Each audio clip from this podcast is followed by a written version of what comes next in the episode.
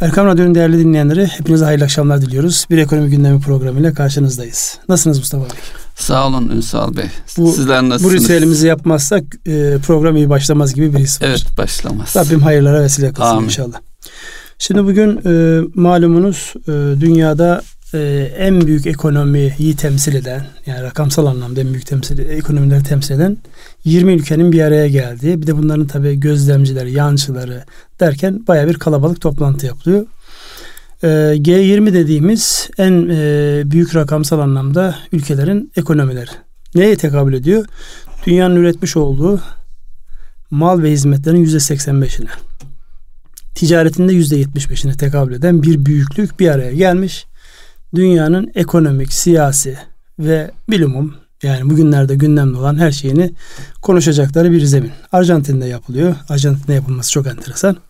Yani ilginç bir e, evet, denk gelme. Son 6-8 ayda çok konuşulan bizimle evet, birlikte. Bizimle beraber çok konuşulan bir ülke.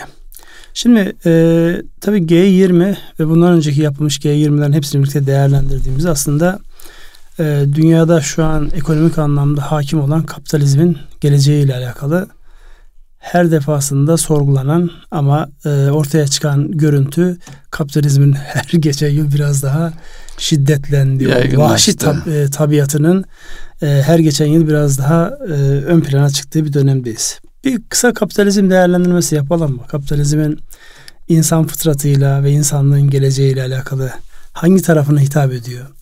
Bu hitap ettiği taraf insanların mutluluğunu sağlar mı, sağlamaz mı? Enteresan birkaç tane de kaynak var. Böyle insanların umutlarıyla, faziletleriyle ve mutluluklarıyla alakalı yapılmış bir e, çalışma da gördüm. Özellikle yeni jenerasyonun nasıl değerlendirilmesi gerektiği, kapitalizmin geleceğinde e, değişen jenerasyonların, de, değişen ihtiyaçların ve algılarını nasıl yöneticilerine ait e, bazı ipuçları ele alınmış. E, faydalı bir e, çalışma. Ben o çalışmadan bir ara bahsederim ama öncelikli olarak şu kapitalizmin şu an geldiği nokta. Ticaret savaşları, korumacılık, bir taraftan fakir ülkelerden zengin ülkelere doğru insanların göçü, müthiş bir popülasyon var. Ve dünyanın her tarafında yani sadece biz kendi sınırlarımızda Akdeniz'de ya da Ege'deki işte göçmen mağduriyetinden değil. Dünyanın şu an her tarafında benzer mağduriyetler var. İşte Meksika Amerika sınırında inanılmaz sıkıntılar oluyor. Dolayısıyla bunların hepsini değerlendirdiğimizde kapitalizm ne diyor? İnsanlığın geleceğiyle alakalı ne diyor? Çok böyle felsefi olmamak kaydıyla güncel hayatla bağlantı olarak birkaç değerlendirmenizi rica etsem. Ağır bir şey mi istemiş ee, e, Siz e, bununla ilgili hazırlık yaptığınızı anlıyorum Ünsal Bey. Ama şöyle soru soralım. E, ben de birkaç soruyla e, kapitalizm e, bizim kendi yaş şeyimize de bakarsak e, gençliğimizden itibaren hele e, 70'li yıllardan itibaren o zamanki ideolojik çatışmaların yoğun olduğu bir tarafta kapitalizmin bir tarafta komünizmin e, tartışıldığı dönemden itibaren bakarsak e, kapitalizm insanları huzura, mutluluğa götürebiliyor mu? diye bir sorsak hele e, özellikle doğal kaynakların olduğu bölgemizdeki Orta Doğu'daki yaşanan vahşi savaşları da dikkate alarak. Ama buradaki işte kapitalizm e, kaynağın olduğu yerdeki kapitalizmle e, bunun yaşandığı yerdekini birbirine ayırmamız lazım. Yani bu ilk işte batıda başladığında işte bırakınız yapsınlar bırakınız geçsinlerle başlayan liberal ekonomik düzenle beraber yani bir tabi düzen var bu Adam Smith'in meşhur milletlerin zenginliğinde neden bahsediyor? İşte piyasalara müdahale etmeyin. Milletlerin zenginliğini değerlendirirken piyasayı yapan, e, düzenleyen bir el var. Görünmeyen bir el var. O kendi normal akışını bulur diye aslında tam bugünlerdeki o hani her e, canların istedikleri demokrasi götürme zihniyeti var ya onun değişik bir versiyonu kapitalizmin de kendini gösteriyor. Yani e, ekonominin kendi e, sistemini kendi ayaklarının üzerinde durabilmesi için en önemli şey ne o görüşe göre, liberal görüşe göre? Kendi iç dengeleri, iç dinamikler. Nedir oradaki iç dinamikler? Herkes maksimum faydayı düşünecek. Yani burada aslında olayın felsefi tarafına ne kadar girmeyelim desek de ister istemez giriyoruz. Yani özellikle yani fizik ilmindeki gelişmeler başta felsefe tarafı olmak üzere felsefe bağlantılı olan bütün e, bilimlerin, düşüncelerin hepsini etkilemiştir. Yani daha önceki işte meşhur Newton'un işte e, termodinamiğinden hareketle baktığımızda oradan günümüzün parçacığına geldiğimizde önceden makroydu. Genel çerçeve ve davranışlar esastı. Şimdi mikroda insanların içsel psikolojik davranışları ön plana çıktı. Dolayısıyla buradan değerlendirdiğimizde kapitalizmin aslında gelişimi de insandaki bu biriktirme, kazanma, kendisine ait olmayanı ele geçirme ve paylaşımla alakalı duygu dünyasındaki enteresan e, gelişmeler. Yani bir taraftan baktığımızda Batı toplumlarında gerçek bir refah toplumu maddi anlamda ama öbür taraftan da en fazla intiharın olduğu, en fazla bunalımın olduğu, işte terapistlerin, psikologların, işte e, ne derler guruların, mentorların ve koçların havalarda uçuştuğu bir e, sistem ortaya çıkıyor. Demek ki insanlar maddi refahla beraber yani kapitalizmi bu açıdan değerlendirdiğimizde evet büyük bir güç, ekonomik anlamda inanılmaz e, değerler ortaya çıkarıyor ama bir tarafta bunu kimin için çıkarıyor sorusunun cevabı eğer insansa konumuz insan için gelişmeler çok böyle hayır alamet değil. Değil.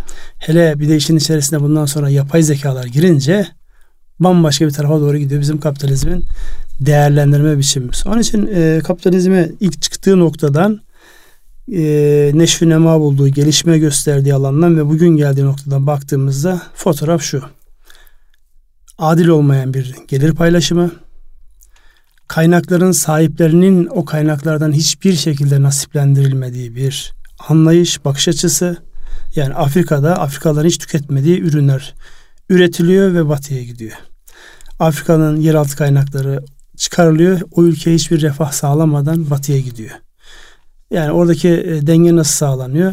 O ülkeyi yönettirdikleri küçük bir azınlığa her türlü refah sağlayarak, kendilerini bir anlamda bağımlı hale getirerek oluşturdukları bir sistem var. Ama gerçek olan bir şey var. Özellikle dünyadaki bu göçleri de bu kapsamda değerlendirmek lazım. Kim yerinden yurdundan kopmak ister? Ama oradaki kaynakların ya yeraltı kaynağı ya insan kaynağının bir şekilde yerinden edilmesi düşüncesiyle ortaya çıkan bir e, hadise var ve biz şu an ağır bir şekilde bunun bedelini ödüyoruz. Zaten her yapılan G20, G7 toplantılarındaki o protestoların temelinde de bu var. Mutsuz olan ve gittikçe bundan sonra mutsuzlaşacak bir insan topluluğu var. Bu açıdan değerlendirilmesi gereken hadise var. Yoksa zaman zaman bize e, şeyler soruyor işte kapitalizmle işte İslam inancı ne kadar örtüşür ne kadar İslam inancının şeyi belli, çizgisi belli. Bir kere hak, hukuk, adalet orada olmazsa olmaz. Yani kul hakkı denen bir mevhum olduğu sürece ekonominin nasıl şekil alacağı belli. Onun haricinde serbest piyasa ekonomisi, evet serbest piyasa ekonomisi anlamında İslam'ın getirmiş olduğu bir sınırlama yok. Ama hadlerin uygulandığı yani hakkaniyet. hakkaniyetin uygulandığı, fahiş olan her şeyin haram olduğu noktasından hareket edildiğinde olmayan bir şeyin alınıp satılamayacağı gibi temel e, naslardan hareket edildiğinde kapitalizm eşittir İslam demek çok büyük haksızlık olur. İslam'ı anlamamak olur. Dolayısıyla önümüzdeki e, zaman e, belki bunlar bugüne kadar tartışıldığından daha fazla yani kapitalizmin kendi dışındaki bütün inanç sistemleriyle birlikte değerlendirileceği, felsefi sistemlerle değerlendirileceği bir süreç yaşayacağız. Kaldı ki geçmişte biliyorsunuz bir sosyalizm ve komünizm denemesi var. Onun da e, o kapitalizmin yıpratan, ezen, yok eden şeyi karşısında dayanamadığını bir şekilde gördük. Çok uzun bir girizgah oldu.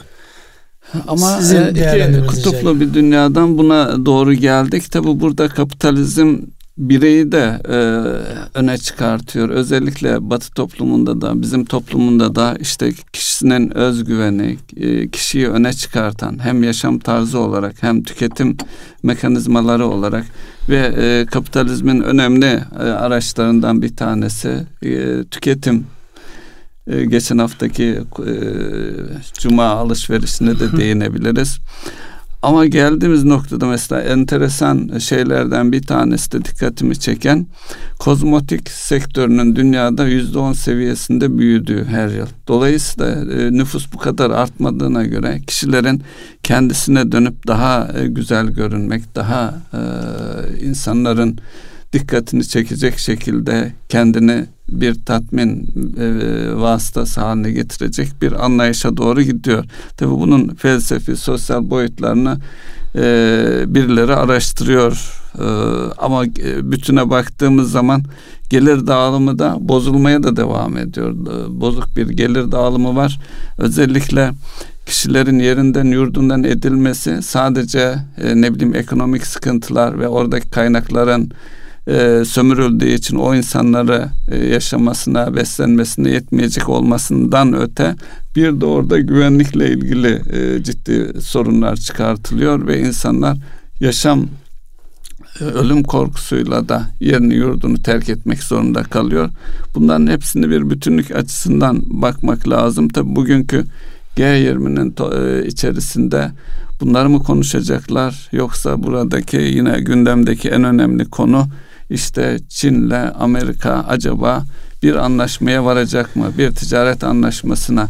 Dolayısıyla komünist bildiğimiz Çin'de kapitalist bir e, kulvara girmiş durumda ve doğal olarak da iki en, e, en büyük ekonomi birbirleri içerisine de geçmiş bir durumları var ve e, tüm dünya ekonomisini e, etkileyen bir savaş başlatılmış durumda ticari savaş olarak ama gerçekten bu ticari savaş mı yoksa bir pazarlık veya birilerini çökertmek üzerine bir kurgu mu ee, onlar konuşuluyor ve onlar tartışılıyor olacak yani insanların refahına e, yönelik bir e, karar çıkar mı Ünsal Bey? Ya şimdi burada e, ben hep böyle geriden gelerek alıyorum. Yani gücün e, dünya genelinde hissedildiği yani hangi tarihtir? İmparatorluklar döneminden başta günümüze kadar gel. Hep e, birileri birilerine şekil vermeye çalışmış. Kendi istediği şekilde yönetilmesini, kendi istediği şekilde e, davranmaları bir alışkanlık haline geliyor. Yani bu Roma İmparatorluğu'nda da böyle, Selçuklu'sunda, Osmanlısı'nda, işte ondan sonra ortaya çıkan İngiliz İmparatorluğu'nda da hep bir kendi omurgasındaki düşündüğü yapıya göre şekil vermek istemiş. Şimdi baktığımızda şu an dünyadaki bu anlamda şekil verecek olan e, zihin neresi? Şekil verecek Anglo-Sakson zihin. Yani Avrupa artı işte e, Amerika'nın dahil olduğu işte ona biraz Almanları biraz Fransızları da eklediğimizde şu an dünyaya bunlar şekil vermek istiyor. Bunların önünde e, 1900 yılların başında ortaya çıkan neydi? Bir işte Sovyet Rusya vardı. Sonra arkasından bir işte Mao ile gelen bir Çin var. Bunlar alternatif oluşma noktasında siyaseten bir güç oldu ama ekonomik bir güç olarak çok fazla karşılarında durmadı. Zaman yine Çin'i de Rus'u da döndürdü kapitalist sistemin ve onların bildiği zemine çekti. Fakat burada şöyle bir gerçek var. Özellikle Çin çok hızlı adapte oldu. Üretim tarafında o ucuz insan kaynağını batının artmayan nüfusuna e, dün bir istatistik görmüştüm. Yani yıllar itibariyle baktığımızda yani son 20 yılda nüfus artışı anlamında baktığımızda mesela Almanya'da nüfus artışı neredeyse eksi bir son 20 yılda. O birleşmeyle gelen ve göçlerle gelen bir nüfus artışı var. Onun harici doğumla olan bir nüfus artışı yok. Şimdi ekonomik olarak siz güçlüsünüz ama arkasını getirecek eğer genç jenerasyonunuz yoksa bir yerlerden beyin transfer etmek, beden gücü transfer etmek zorundasınız. Şimdi bunların hepsini birlikte değerlendirdiğimizde insanların yani bu birbirlerine ayar verme, ülkelerin birbirlerine ayar verme şey bitmeyecek. Şu anda zaten e, en büyük iki tane ekonomik güç, üç tane ekonomik güç dediğimizde Avrupa Birliği ki yeknesak değil. Kendi içinde problemler var. Çin ve Amerika'yı değerlendirdiğimizde şu an ortaya konan her fikir, düşünce bir taraftan bir savaş var, öbür taraftan bir pazarlık var. Yani Putin'in Trump'la yapılan görüşmeyi Ukrayna'daki son gelişmelerden dolayı iptal ediliyor olması, hele böyle önemli bir zirvede iptal ediliyor olması, yani görünen ve görünmeyen o pazarlıkların ve savaşların. Savaş şekil değiştirdi. Daha doğrusu şöyle demek lazım.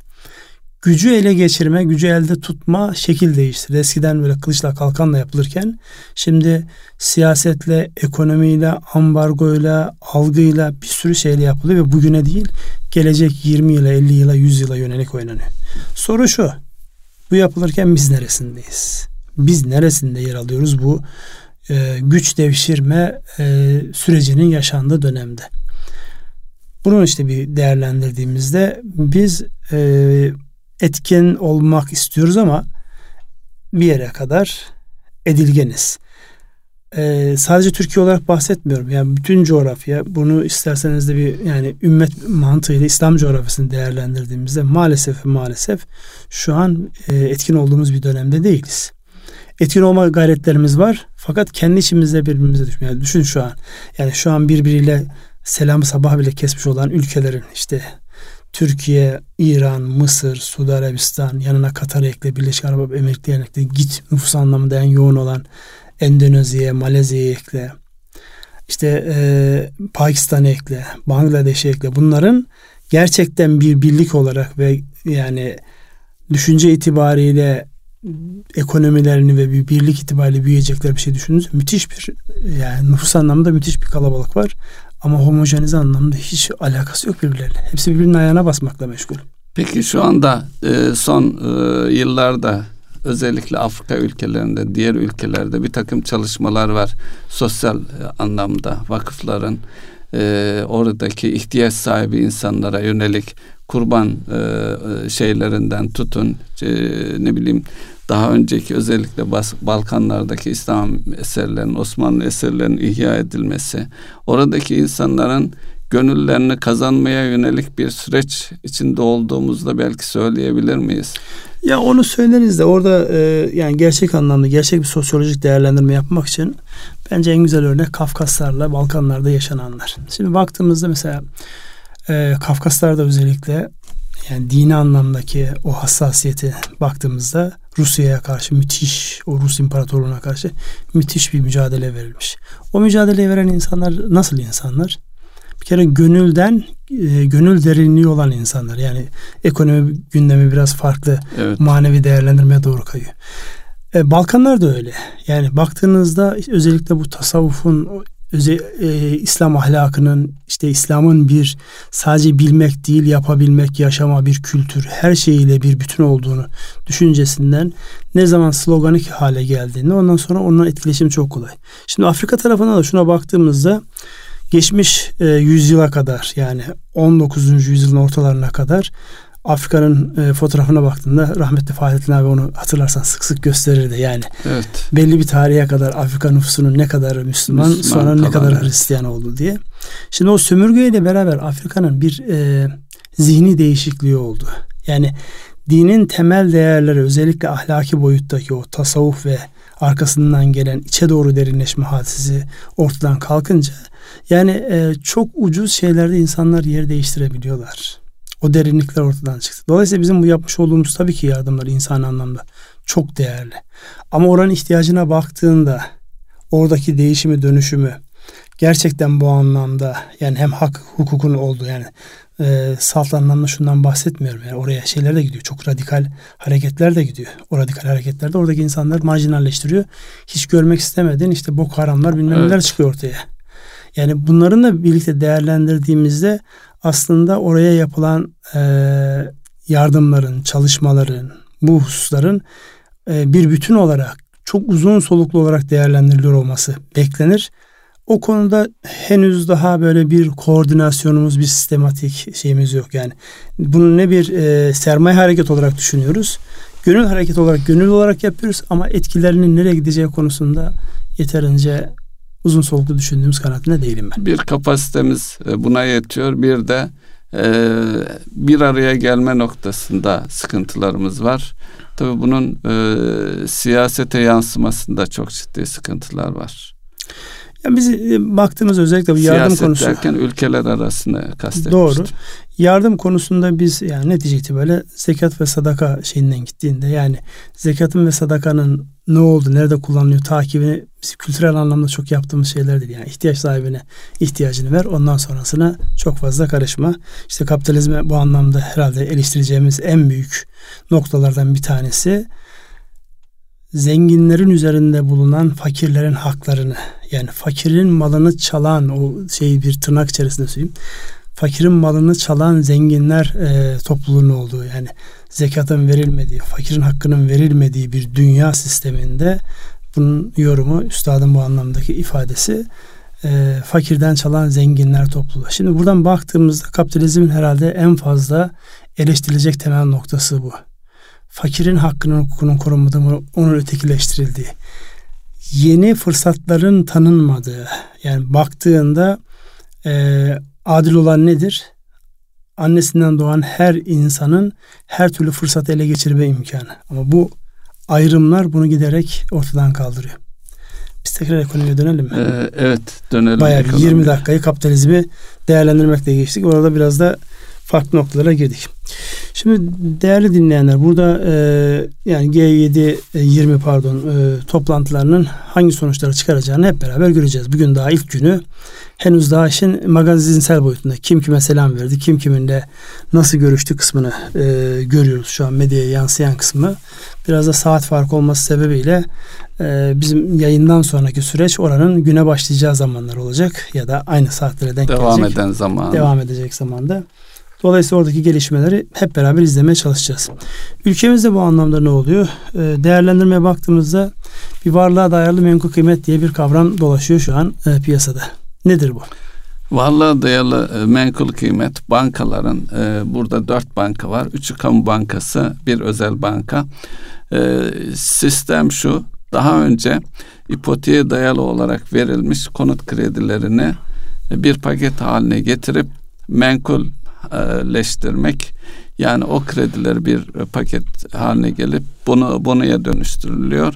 Varlığa dayalı menkul kıymet e, adı altında e, bu e, kıymetler Kalkınma Bankası'na verilecek. Kalkınma Bankası da onun karşılığında bono veriyor olacak ve bunu da bankalar özellikle nitelikli yatırımcı denen üst seviyede parası olan yatırımcılar kastediliyor onlara satılacak ve bu dolayısıyla bankalar taze kaynak kaynağa erişecek ve bu kaynağı da tekrar kredi olarak e, dağıtacaklar. Menkulleştirme dediğin şeyi biraz daha açar mısın lütfen? Yani burada yani e, günümüz hayatında bizim sokaktaki insanın biz olarak bunu nasıl anlamamız? Benim Şöyle, alacağım var. Ha, e, sizin Benim olan işte, alacağımı e, ne yapıyorum? Bir kağıda bağlıyorum. Bir evet, senede evet. bağlıyorum. Sonra geliyorum bu senedi sana veriyorum. Sizden almış olduğum bu e, senet karşılığında ne alıyorum ben? Hatta şöyle biraz daha açıklamak açısından varsayalım 10 kişiden 1000 lira alacağınız var. Evet. E, 10 ayrı kişiden 150 lira diyelim. Bunun e, siz 200 liralık bu e, şeyi teminat hepsini gösteriyoruz. 200 falan değil kafa karıştırmayın. Hepsini. Burada şu anda hepsini de, deyin siz. Hepsini de dönüştürebilirsiniz. Dolayısıyla bunu bir bonoya bağladığınız zaman e, bunu da e, başkalarına satabiliyorsunuz. Tabi burada e, bir gelire sahip e, sadece düz alacak değil, gelir getiren bir alacak olarak e, düşünebiliriz. Karşılığında da sağlam bir ipoteği var. Bonoyu başkasına satmak ne demek ben anlamadım. Ee,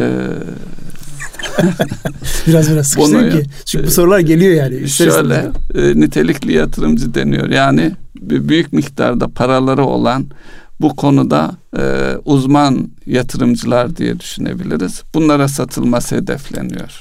Peki buradan e, bir eski şey var diye böyle komplo teorileri ya da bir şey olduğu zaman buradan kim fayda el, elde eder diye soru soruluyordu. Ben sorayım size. Buradan kim fayda elde eder? Şimdi burada ince e, finans hesaplarına girmemiz lazım. Bu sefer... Yok finans hesaplarına girmem. En kaba haliyle kim fayda elde eder buradan? Buradan bankalar fayda Hangi elde bankalar? edecek. E, portföyündeki e, konut kredisi olan bankalar fayda elde ediyor olacak. Yani onlar gelecekte kendi erişebilecekleri e, gelirlerini şimdi elde edip onu tekrar e, birilerine satma e, ve taze kaynak bulma şansına sahipler. Şimdi benim de kendi baktığım noktadan şöyle bir yorumum var. Bu bahsedilen alacak kimin alacağı? Üç tane kamu bankasının alacağı. Sonra bir tane de özel banka evet. eklendi. Zaten üç kamu bankasının alacağı 3 milyar 3 TL. Milyar. Ee, özel bankadan da 150, 150 milyon lira evet. dahil oldu. Şimdi 3 milyar 150 milyon liralık alacak karşılığında ben diyorum ki bu alacaklarımı ben birisine devredeceğim. Bu alacakları bende nasıl alacak? Ortalama yüzde on iki ile vermiş olduğum konut kredileri. Evet. Yani şu an e, konut kredilerinin oranı kaç? Yüzde otuz beş, yüzde kırk. Şimdi burada o üç tane kamu bankası, özel banka ki özel banka oraya yani e, şey olarak eklenmiş durumda. Yani bundan sonraki süreçte özel sektör bankası da dahil olsun diye eklenmiş durumda. Yüzde on ikiden kullandırdıkları kredilerden olan alacakları bir kere bilançolarında şu anki kaynak yapısının maliyet açısından baktığımızda zarar üretiyor. Evet. Artı bir şey daha üretiyor. Bu 3 milyar TL ya da 3.150'lik TL e, sermaye yeterlik rasyosunda da yani ağırlıklı olarak sermaye aşağı çeken bir kalem. Evet. Ve bu bankaların şu an piyasada kredi verebilmeleri için ihtiyaç duydukları sermayeyi azaltıcı bir alacak olarak duruyor. Şimdi biraz teknik olarak anlatıyoruz ama kime fayda sağlar sorusunun cevabını ben kendimce oradan çıkarmaya çalışıyorum. Şimdi bunu buradan çıkardığınız zaman yerine Kalkınma Bankası'nın bunların karşılığında çıkardığı bir kağıdı koyduğunuzda şöyle bir anlam çıkıyor. Ben bilançodan işte 3 milyar 150 milyon liralık e, getirisi düşük ve sermaye gerektiren bir alacağı çıkarıyorum. Yerine sermaye gerektirmeyecek ve getirisi daha yukarıda olan bir Kaynağı, alacak koyuyorum. Alacak, koyuyorum. alacak koyuyorum. Orada da yine bir alacak var. Dolayısıyla bu öncelikli olarak bu işe aracılık eden bankaların sermaye yeterliğini rahatlatan artı kaynak maliyetindeki gelecek olan bu olumsuzlukları bir anlamda öteki tarafa pas edilen bir sistem. Şimdi bu öyle tahmin ediyorum ki bir deneme. Yani burada özellikle Kalkınma Bankası'nın yeniden yapılandırılması ile alakalı bizim de bazı önerilerimiz vardı hatırlarsanız. Evet. Kendi şeyimizde radyodaki bu program çerçevesinde. Ne demiştik? Kalkınma Bankası reel sektörde Türkiye'nin gelecekte stratejik önemi olan firmalara küçük oranlarda ortak olsun ortak olduğu zaman bu ortaklık şeyleri iki şey sağlayacak en temelde. Bir, o firmaları disiplin edecek. Sermayesini güçlendirmiş olacak. İkincisi de sermayesini güçlendirmiş olacak. Disipline olması yani o firmaların daha böyle profesyonelce adımlar atıyor olması, hesabının kitabının planlanarak ortaya çıkıyor olması bir ülkenin e, gelecekte stratejik önemi haiz sektörleri tanzim etmesinde, düzenlemesinde bir ipucu verecek. Orada bir hareket alanı sağlayacak. İkincisi de bu firmaların yarın öbür gün sermaye piyasaları derinleştiğinde halka açılarak e, kaynak sağlamalarına imkan sağlayacak arkada bir disiplin yani iş disiplini sağlamış olacak. Bizim de önerimiz oydu. Kalkınma evet. Bankası bu sefer nereden geldi? Kalkınma Bankası yani kötü alacak değil bu alacaklar. Ama düşük getirili alacaklarla şu an piyasayı gerçek anlamda fonlayan tek e, finansal kuruluş olan, kuruluşlar olan kamu bankalarının sermaye yeterliğinde tıkanmasını engelleyen bir mekanizma olarak. Yani öyle bir çalışma ki ben e, öncelikli olarak çalışmayı yapanları tebrik ediyorum. Aynı anda birkaç tane e, hadise birden devreye giriyor kamu bankalarının aktifindeki düşük getirili alacakları bir şekilde getirili hale getiriyorsunuz. Sermaye yeterlilikle alakalı problemi çözüyorsunuz. Dolayısıyla eş zamanlı yapılmış güzel bir şey. Eğer bu deneme karşılık bulursa yani e, kamu bankalarının elindeki bu alacakları nitelikli yatırımcılara satabilme başarısını gösterirlerse arkada e, 100 milyar TL'ye yakın bir şey var. Benzer e, alacak var hepsini bu mekanizmaya dahil edebilirler ama orada tabi açıklığa kavuşması ee, gereken bir şey Şu anda var. satılmasa bile zaten sermaye yeterlik rasyosunu düzeltmiş tabii oluyor. Hiç yani, elinde tutsa dahi. Elinde tutsa dahi bir yani şu anki 18 diye bir hesaplama var orada. Evet. 12 ile olan alacağını 18 ile alacağı dönüştürüyor getir anlamında. Sermaye gerektiren bir aktifi sermaye gerektirmeyen bir aktife dönüştürüyor. Bu anlamda son derece. Tabii bir maliyet de üstlenmiş oluyor onu da. Ya Aradaki fark kadar. Tabii evet. ki bir maliyet tabii o. onu da bilmiyoruz hesabın içerisinde. Şimdi o e, baktığında sermaye e, o kadar sermaye yeterlik rasyosunu o kadar rahatlatan bir çalışmadan bu bankaların bir e, geliri olacaktır, bir avantajı olacaktır. Daha sonra Kalkınma Bankası'nın şu an kağıt üzerine görünen bu zararmış gibi görünen şeyi bir şekilde e, vergilendirerek Kalkınma Bankası'na sermaye olarak gelebilir bu. Yani eskiden o görev zararları şeyimiz vardı ya. Evet. Bir görev zararı olarak değil ama bir piyasaya yeni bir ürün kazandırma açısından bu anlamda e, enteresan bir deneme olacak. Yani Türk bankacılık sistemine yeni bir şey geliyor, enstrüman ee, geliyor. Ünsal Bey bu 90'lı yıllardaki uygulanan bir sistem vardı. Çok fazla çalışmadı o. Ee, vazgeçildi. Vıdımık diye tabir işte edilen. Adı zaten vıdımık. Adı şimdi de öyle. Ee, oradaki yapıda şu an nitelikli yatırımcılar hedeflenmiş. O zaman e, herkese satılabiliyordu. Hatta mevduat bankalar, müşterilerine evet, e, bir nevi mevduat hesabı gibi çalışır hale gelmişti. Bu, Belki oraya doğru da gidebilir. Burada oraya gitse bile e, en büyük avantaj şu 5 yıl vade var burada. Yani vadenin uzuyor olması zaten şu an bankacılık sistemindeki en temel problem ne? Kaynak kıt ve vadesi kısa. Vade, evet. Yani zaten şu an biz tasarruf eden bir e, toplum değiliz, ekonomi değiliz. Bu anlamda işte e, tasarruf oranları yüzde yirmilerin altında hala. Buradan baktığınızda 5 e, yıl vadeli bir kaynağın oluşturuluyor olması sermaye yeterlilik açısından bir avantaj sağlıyor. Artı dediğim gibi yani getirisiz olan aktifleri bu anlamda yani bu Türkiye'nin bir anlamda bu Amerika'nın ve Avrupa e, Merkez Bankalarının uygulamış olduğu e, parasal genişlemeye de benzer bir taraf var. Burada sadece Merkez Bankası bu kağıtlar karşılığında likitte sağlar mı sorusunun cevabı bence gerek yok. Zaten Bankalar Birliği de bu açıklamayı yaptı. Değil demiş ama e, şey reddetmiyor. Yani Hayır, şu an için düşündüğümüz bir şey nitelikli yatırımcılardan e, beklenen talep gelmezse bir alternatif olarak da duruyordur herhalde. E şu anki, gelebilir. Şu anki baktığında doğrudan devletin 5 e, yıllık kağıtlarının karşılığında 17-18 zaten getiri var. Yani bu onun alternatifi yani büyük anlamda bir alternatifi değil. Öncelikli olarak bence sermaye yeterlik rasyosu ve evet. getirisi düşük olan aktiflerin bir şekilde getirili aktife dönüştürülmesi gibi bir çalışma var. Bence bu anlamda yani deneme mahiyetinde çünkü toplam alacağın içerisinde 2 trilyon üzerinde kredi alacağın içerisinde bu hiçbir şey. Ama deneme ola, olması sebebiyle nasıl işleyeceğini görmek açısından bizim de yakından izleyeceğimiz bir başlık olur. Bir de orada ilan edilmiş havuz var. Evet. Bu e, arkasının geleceğinin de işaret olarak alabilir miyiz? Çok net alabiliriz. Çok net alabiliriz. Zaten oradaki havuzun ilan edilmesinin bence ki oradaki yani e, bakış açısı şu. Hani birileri acaba tahsil edilmeyen kötü alacakları mı bunun içine koyuyorlar düşüncesine. Yok böyle bir şey. Bu geniş bir havuzun içerisindeki yani size denk gelmez o hadise. Korkmayın. Evet. evet. Sağlam alacak bunlar. Evet. Bugüne kadar da ödenmeme oranı en düşük olan alacak türü. Binde yarım. Binde yarım. Çünkü e, bizim insanımız çok istisnai zamanlar hariç oturduğu evin e, borcunu her halükarda ödüyor. İşte iman mekan meselesi. Ahirete imanın dünyaya mekanı e, algılayan bir zihnin e, borcu olunca kayınpederler, herkes enişteler, dayılar herkes yardım ediyor. Peki e, Mustafa Bey şu e, gayrimenkul hazır bu gayrimenkulden alacaktan girdik. E, dün açıklanan bir şey vardı. Türkiye'de aslında eksikliği uzun zamandan beri hissedilen bir hadise. Bu imar barışının arkasından bir şey daha geldi. Bütün evlerin, bütün gayrimenkullerin bir değerinin tespit edilmesi. Yani biz tabii finans sektöründen geldiğimiz için buna e, bakınca yani wow dediğim bir şey yani ciddi bir bakış açısı ve iyi de düşünülmüş bir hadise. Bu ne sağlayacak? Bu herkeste özellikle gayrimenkul sektöründe, reel sektörde heyecan uyandırdı.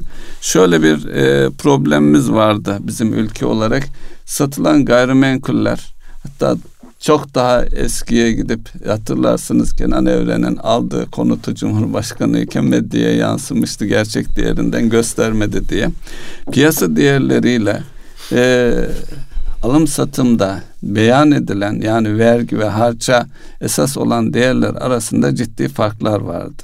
Sebebi ne bunun? Sebebi e, en büyük sebebi e, vergi oranlarının ve harç oranlarının e, çok yüksek olması. Doğal olarak da insanlar e, burada bir gizleme bir e, şey oluyordu maalesef. Bunu e, bunun e, sonuçları neydi diye bakarsak bir e, her zaman bir risk oluşturuyor. Özellikle me, e, finansman konusunda konutun e, gayrimenkulün finansmanında bankadan kullanılan krediyle e, beyan edilen arasında ciddi farklar oluyordu. Dolayısıyla devlet de zaman zaman buna yönelik incelemeler yapıyor idi. Bu bir handikap olarak duruyordu. Bunu aşabilmek için çeşitli yollar bulmaya çalışıyorlardı. Tabii bir de bunların teminat açısından bankalara teminat gösterildiğinde farklı bir e, değer ortaya çıkıyordu. Yani her yönüyle bakıldığında gerçek değeri tapudaki beyan değeri işte e, belediyeye veya e, yerine göre nereyse e, muhatabı vergi değeri farklı farklıydı. Bunların tek bir e, şekle dönüştürülmesine yönelik bir çalışma başlatıldı. Buna da e, gayrimenkul değer haritası diye bir e, tanımla e, hareket edilecek görünüyor ve 2020 yılı hedeflenmiş yaklaşık iki yıllık bir çalışma sürecek. Ee, yine taslak çalışmada bu süreç içerisinde de bu geçici süreç içerisinde de alım satımlarda bir gayrimenkul değerleme raporu üzerinden hareket edileceği söyleniyor.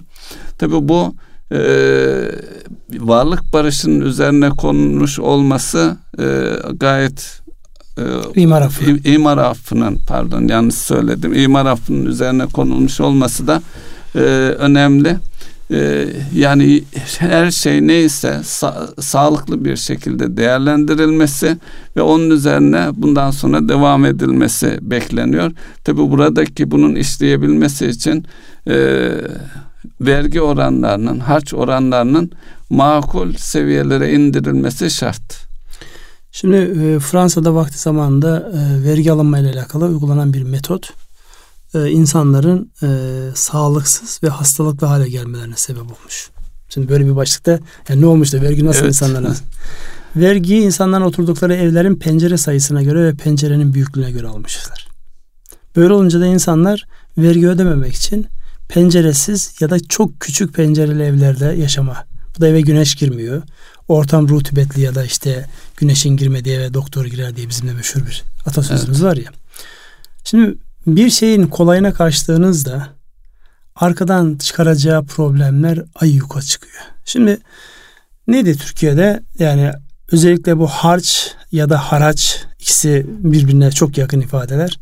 Muamele vergisini eğer siz kolayınıza geldiği için muamele vergisini yüksek tuttuğunuzda e, belli burada bir sıkıntılar peyda oluyor. Yani burada artık illegal zemine doğru kaymalar oluyor. Nedir o? Muameleyi yokmuş gibi göstermek ya da olduğundan daha düşük göstermek. Yani almış olduğunuz karar daha doğrusu kültürünüzde insanları yalan söylemeye alıştırdığınızda mekanizma arkasından devasa bir sisteme dönüşüyor. Otomotivlerle alakalı şey, otomobillerle alakalı bir sıkıntı var hatırlayın. Devretmiyor. Devretmiş, insanlar. daha doğrusu satmış, 20. sahibine geçmiş, hala ilk sahibinde görüyor. Niye? O devirden kaynaklanan ciddi harçlar vardı. Şimdi gayrimenkulle alakalı yıllardır bilinir ama bir türlü adım atılmazdı. Hatta şunu az önce siz söylediniz. İstanbul'un çok değerli semtlerinde gayrimenkuller teminat alınamazdı. Niye alınamazdı? Çünkü hepsinin üzerinde imarda bu gayrimenkulün şöyle imara aykırılığı var. Dolayısıyla ticari değeri yoktur diye şey yapıyor. Benim en büyük endişem bu e, şeyin değer tespitinde yani şirketlerden rapor alınması diye bir fasıl var ya. Evet. Bence bunun daha sistematik bir şeye dönüşmesi icap eder. Nedir o sistematik olan şey? Yani gelişmiş bütün ekonomilerde var olan sokak sokak adım adım metrekarenin değerlerinin tespit edildiği bir emlak borsasına ihtiyaç var. Sokak sokak hangi şeyde sokağın kaç para edeceğinin sistematik olarak incelendiği yani şöyle bir haritayı önünüze aldığınızda sokağa tıkladığınızda alt ve üst bandı görebileceğiniz bir şey raiç uygulandığında. bir arz talep ortamında belirlenen bir fiyat mı diyorsunuz? Evet. Yani memurların belirlediği bir Kesinlikle. fiyat değil. Bu 2B çalışmalarında da baya bir tartışma aynen, aynen. E, çıktı ve hatta bir kısım bölgelerde e, yapılamadı. Sonraki e, geçen yıl yeniden bir hak daha verildi. Onunla çözülmeye çalışıldı. Yani şimdi burada e, ticaretin içinde olmayan insanlara yani bunu e, alınmasın gayrimenkul değerlemesi yapan arkadaşlarımız. Ama kendileri o işi sadece uzman şeyi olarak değerlendirmesini yapıyorlar. Alımını satımını yapmıyorlar. Yani bu işi alımı satılır yapılır hale geldiğinizde hangi sokakta nerede oturuyorsan işte Ümraniye'nin X e, caddesindeki o sokaktaki taban ve tavan fiyatları borsa gibi belirlendiğinde ve siz bunun üzerinden alacağınız vergiyi de minimum seviyeye indirdiğinizde yani 10 binli bir rakama indirin. Yüzdeli falan değil. Evet. 10 binli bir rakama indirin. Ben şunu sam bütün kalbimle samimiyetle söyleyeyim. Herkes e, bu konudaki hem gerçek rayicini göstermek açısından bankaların bunu gerçek e, rayişler üzerinden fonlaması açısından hem de ülkenin değerlerinin gerçekten ortaya çıkması anlamında fevkalade bir bilgi olacaktır bu.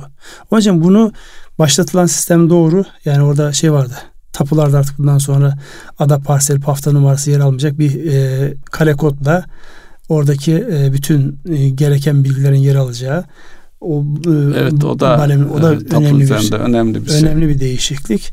Dolayısıyla e, ekonomik değerin gerçek değerine işlem görmesi. Eleştirdiğimiz o kapitalist sistemin e, eleştirdiğimiz taraflar bir tarafta kalsın. Hakkaniyet noktasında da böyle bir şeye ihtiyaç var.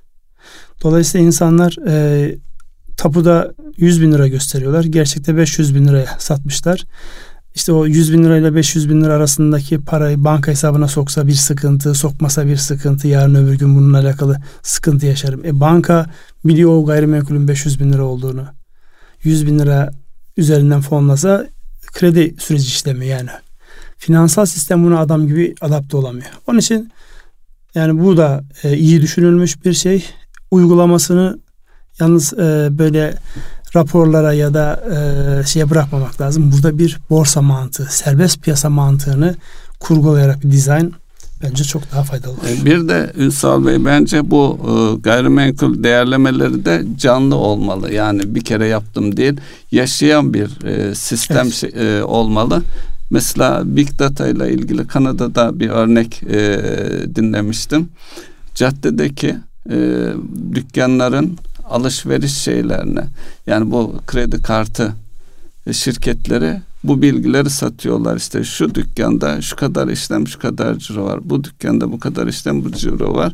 Bu dataları kullanarak bu bilgileri kullanarak o gayrimenkullerin kira ve mülk değerlerini e, hesaplıyorlar. Şu an e, özel sektörün özellikle perakende de yani neredeyse cadde cadde sokak sokak hangi dükkanın ne kadar ciro yaptığını ortaya koyan çalışmalar var. Bilgisayar programları var. Bunlar parayla alınıp satılıyor. Yani bu olmayan bir bilgi değil, var olan Bunlar bir bilgi. da hesabın içerisine kesinlikle, girmeli. Kesinlikle. Yani e, Türkçesi şu. Harcınızı düşüreceksiniz, haracınızı düşüreceksiniz. Gerçek ekonomik işlemler hayat bulacak ve insanlar alırken satarken yalan söylemeyecekler. Çünkü yalan bir başladığı zaman o alıp başına gidiyor. Arkadan e, legal olmayan bir ekonomiyi çıkarıyor ortaya. Yani bunun işte devlet tarafına baktığınızda illegal şeyler realize oluyor. Özel sektör tarafına baktığınızda, finans sektörüne baktığınızda. Onun için her şeyin göz önünde olması, açık, açık şeffaf olması şeffaf.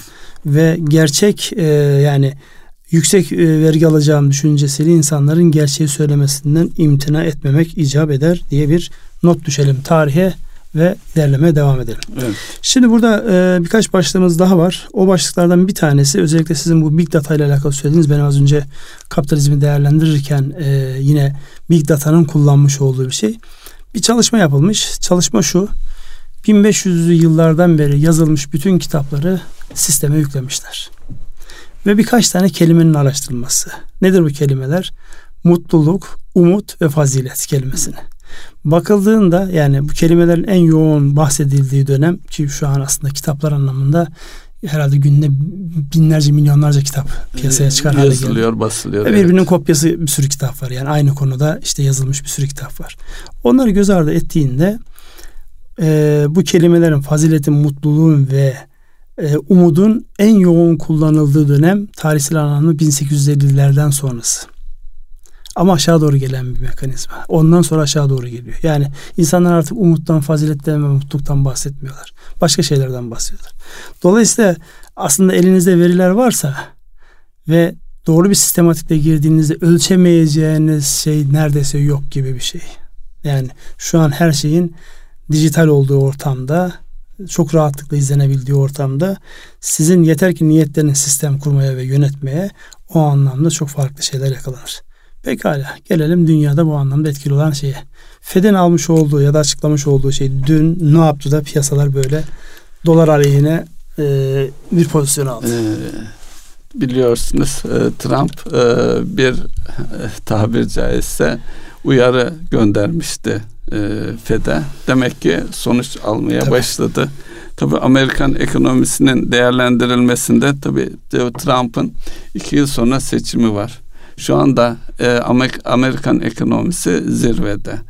E, bunun e, durgunluğa dönüşmesi bekleniyor. Bunun da ne zaman olacağı e, hesaplanıyor. Bugünkü Fed'in atacağı adımların arkasında bu hesaplar da var.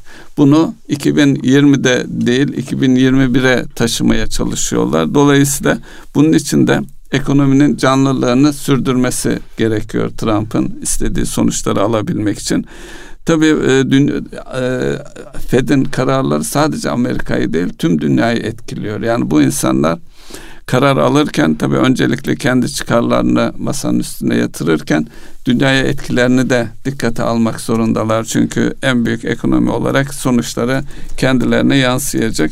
Dolayısıyla faiz artışlarında Fed'in daha yumuşak, daha toleranslı hareket edebileceği yönünde bir e, kanaat oluştu Zaten ve başkanı da yakın, bunu çok yakınız yani. Etti. Evet. Faiz oranlarında ekonominin ihtiyaç duyduğu e, dengeye çok yakınız gibi böyle e, yuvarlak bir ifadeyle evet Trump'ın dediği noktaya geldi. Geldi. Tabi bu e, para bolluğunun devam edeceği anlamına geliyor. Amerika'ya e, dağıttıkları kaynağın daha uzun bir sürede. Dolayısıyla bu da bizim e, kurlarımıza da yansıdı. Evet uzun zamandan beri görmediğimiz dip seviyeleri gördü. Evet. Aşağı yukarı hareketleniyor ama burada da artık şey başladı bizim ihracatçılardan. Evet e, orada sorunlarımız her an çıkabilir. Ciyaklamalar başladı. Çünkü biz bu fiyatları e, yani şu anki yapmış olduğumuz ihracattaki o rekor kıran girişimler e, yüksek kurlara göre yapılmış maliyetler ve ona göre dizayndı. Dolayısıyla zarar etme ihtimalimiz var. Aman ha daha fazla aşağı gelmeyin diyorlar. Yani geçen defa da söyledik ya burası artık kanıksanan dengenin oluştuğu bir dönem seviyeler. Yani aşağı gelebilir mi? Evet gelebilir. Ama gelebilir. gelmesi yeniden hareketlenmesi, gelmesi yeniden dengesiz bir atağa kurban etme anlamına gelir. İstemeyiz paramızın değersiz hale gelmesini ama ve lakin yani bir şeyler yapabilmek için de burada evet. kalmak lazım. Burada dış ticaret istatistiklerine değinelim isterseniz. Ee, Ona da değinelim. Arkasından da sizden ricam işte en büyük dış ticaret kalemimiz olan petrolün etkisinin özellikle enflasyona yansıması ne olur? Bu ay e, yani enflasyonla alakalı beklentiler yani en azından insanların konuştuğu şeylerde petrol fiyatları bize çok ciddi katkı sağlayacak bu ay için diye bir beklenti var. Evet. Siz buna katılıyor musunuz? Onu da değerlendirin lütfen. Evet. Dış ticaret e, açığımız e, geçen ay fazlaydı. E, bu ay e, 456 milyon dolar civarında bir açığımız var.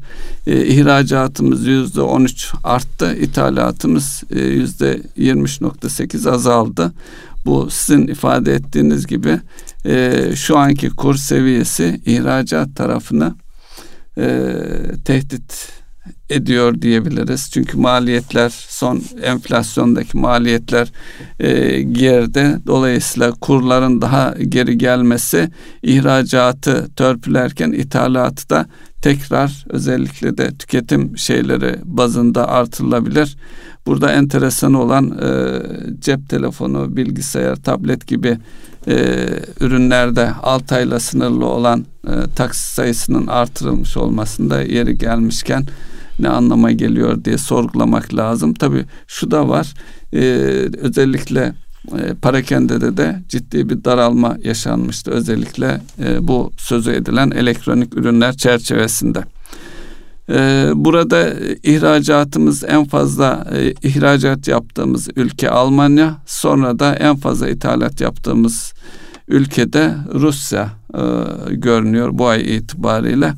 E, şeyimizde cari açığımızda bu gelişmeler çerçevesinde azalmış durumda. Buradan e, diğer istatistiklere geçelim mi? E, petrol, ben bir petrol fiyatlarını yorumlamanızı rica edeceğim. E, petrol fiyatları e, geçen hafta da değinmiştik. Petrol fiyatları e, 59-60 dolar seviyelerine geldi. Bu seviyeler e, herkese herkese demeyelim de e, özellikle bizim gibi ülkeler için e, iyi bir sonuç çünkü 80 e, dolarlardan 100 dolarlara çıkma endişesi vardı. Bu kur seviyesiyle ilgili Rusya'nın Putin'in bu e, seviye makuldür e, gibi destekleyici bir açıklaması oldu. Bu G20 görüşmelerinde de e, Suudi Arabistan Veliaht Prensi ile e, görüşecek e, Putin. Dolayısıyla konu başlıklarından bir tanesi de bu olacaktır. O görüşmede önümüzdeki dönemde belki petrol fiyatlarını etkileyecek bir şey. E, bizim kendi içimize baktığımız zaman e, petrol e, fiyatları ve buna bağlı olarak da yoğun olarak kullandığımız doğalgazın fiyatı da petrol endeksli olduğu için petrol fiyatlarındaki gerileme bizim enerji ithalatındaki faturamızı aşağı çekiyor. Bunun yanı sıra döviz kurlarındaki geri e, gelişte enflasyon oranını bu ayki enflasyonu e, bu aya özgü olarak en azından eksiye çevireceği yönünde bir beklenti var.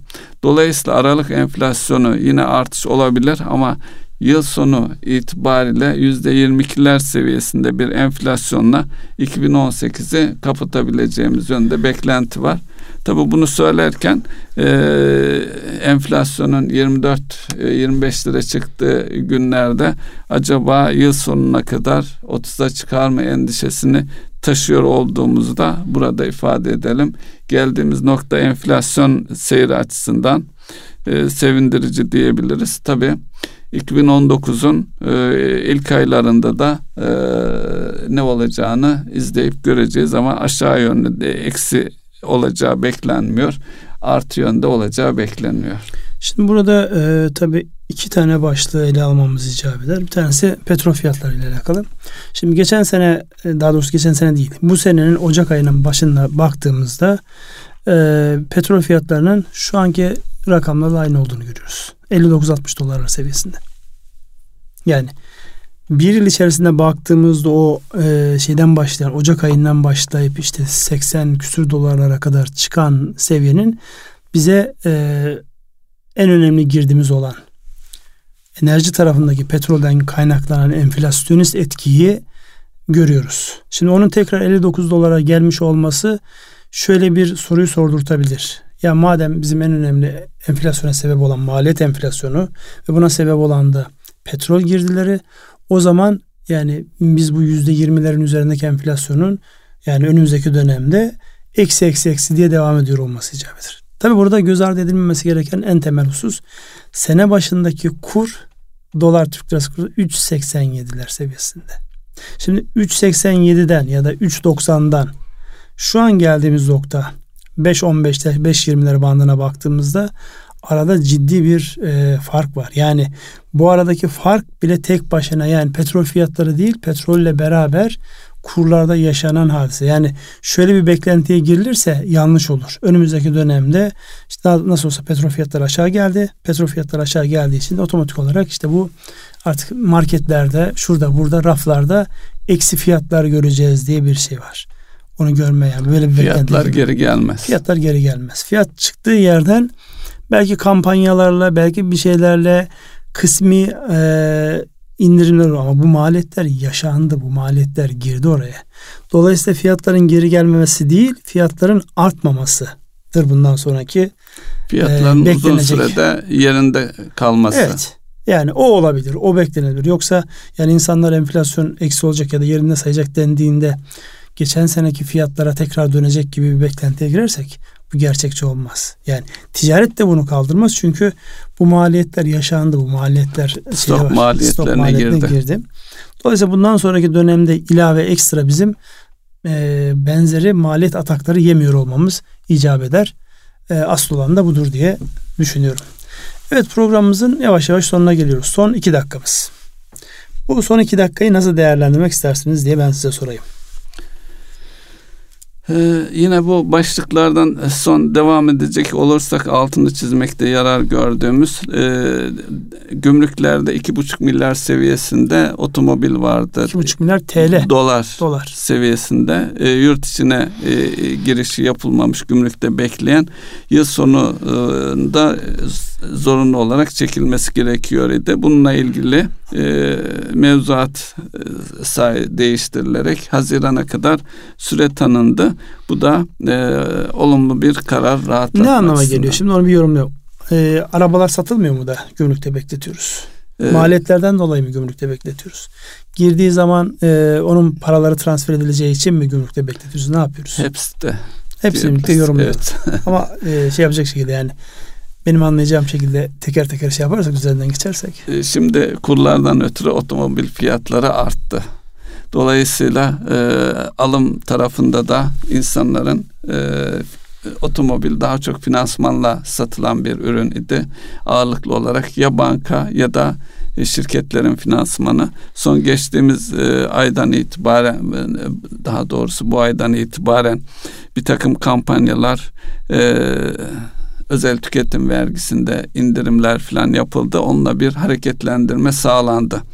E, ama bunlar e, her halükarda e, bu geçirdiğimiz çalkantı nedeniyle istenen seviyede e, olmadı.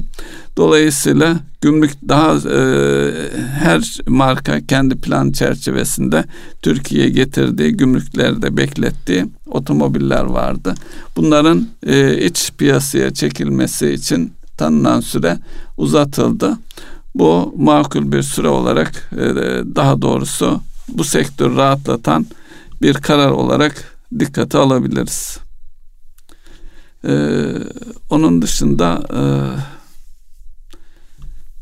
konularımızdan geçen hafta Cuma değindiğimiz alışverişle ilgili tüm dünyadaki şey. Nedir oradaki Bizim rakamlar? Ülkemizde de Türkiye'de 3.4 milyar TL'lik bir e, parakende de alışveriş yaşandı. Bunun e, geçen e, artış oranının geçen yıla göre yüzde otuz sekize tekabül ettiği ifade ediliyor. Tabi burada artış var ama enflasyondan ötürü yani e, hacim olarak ne kadara tekabül ettiğini e, bilmiyoruz ama enflasyonu dikkate almamız lazım. Burada enteresan olan neredeyse e, üçte bir e, yani dört, e, bir milyara yakın bir bölümü internetten yapılan alışverişler.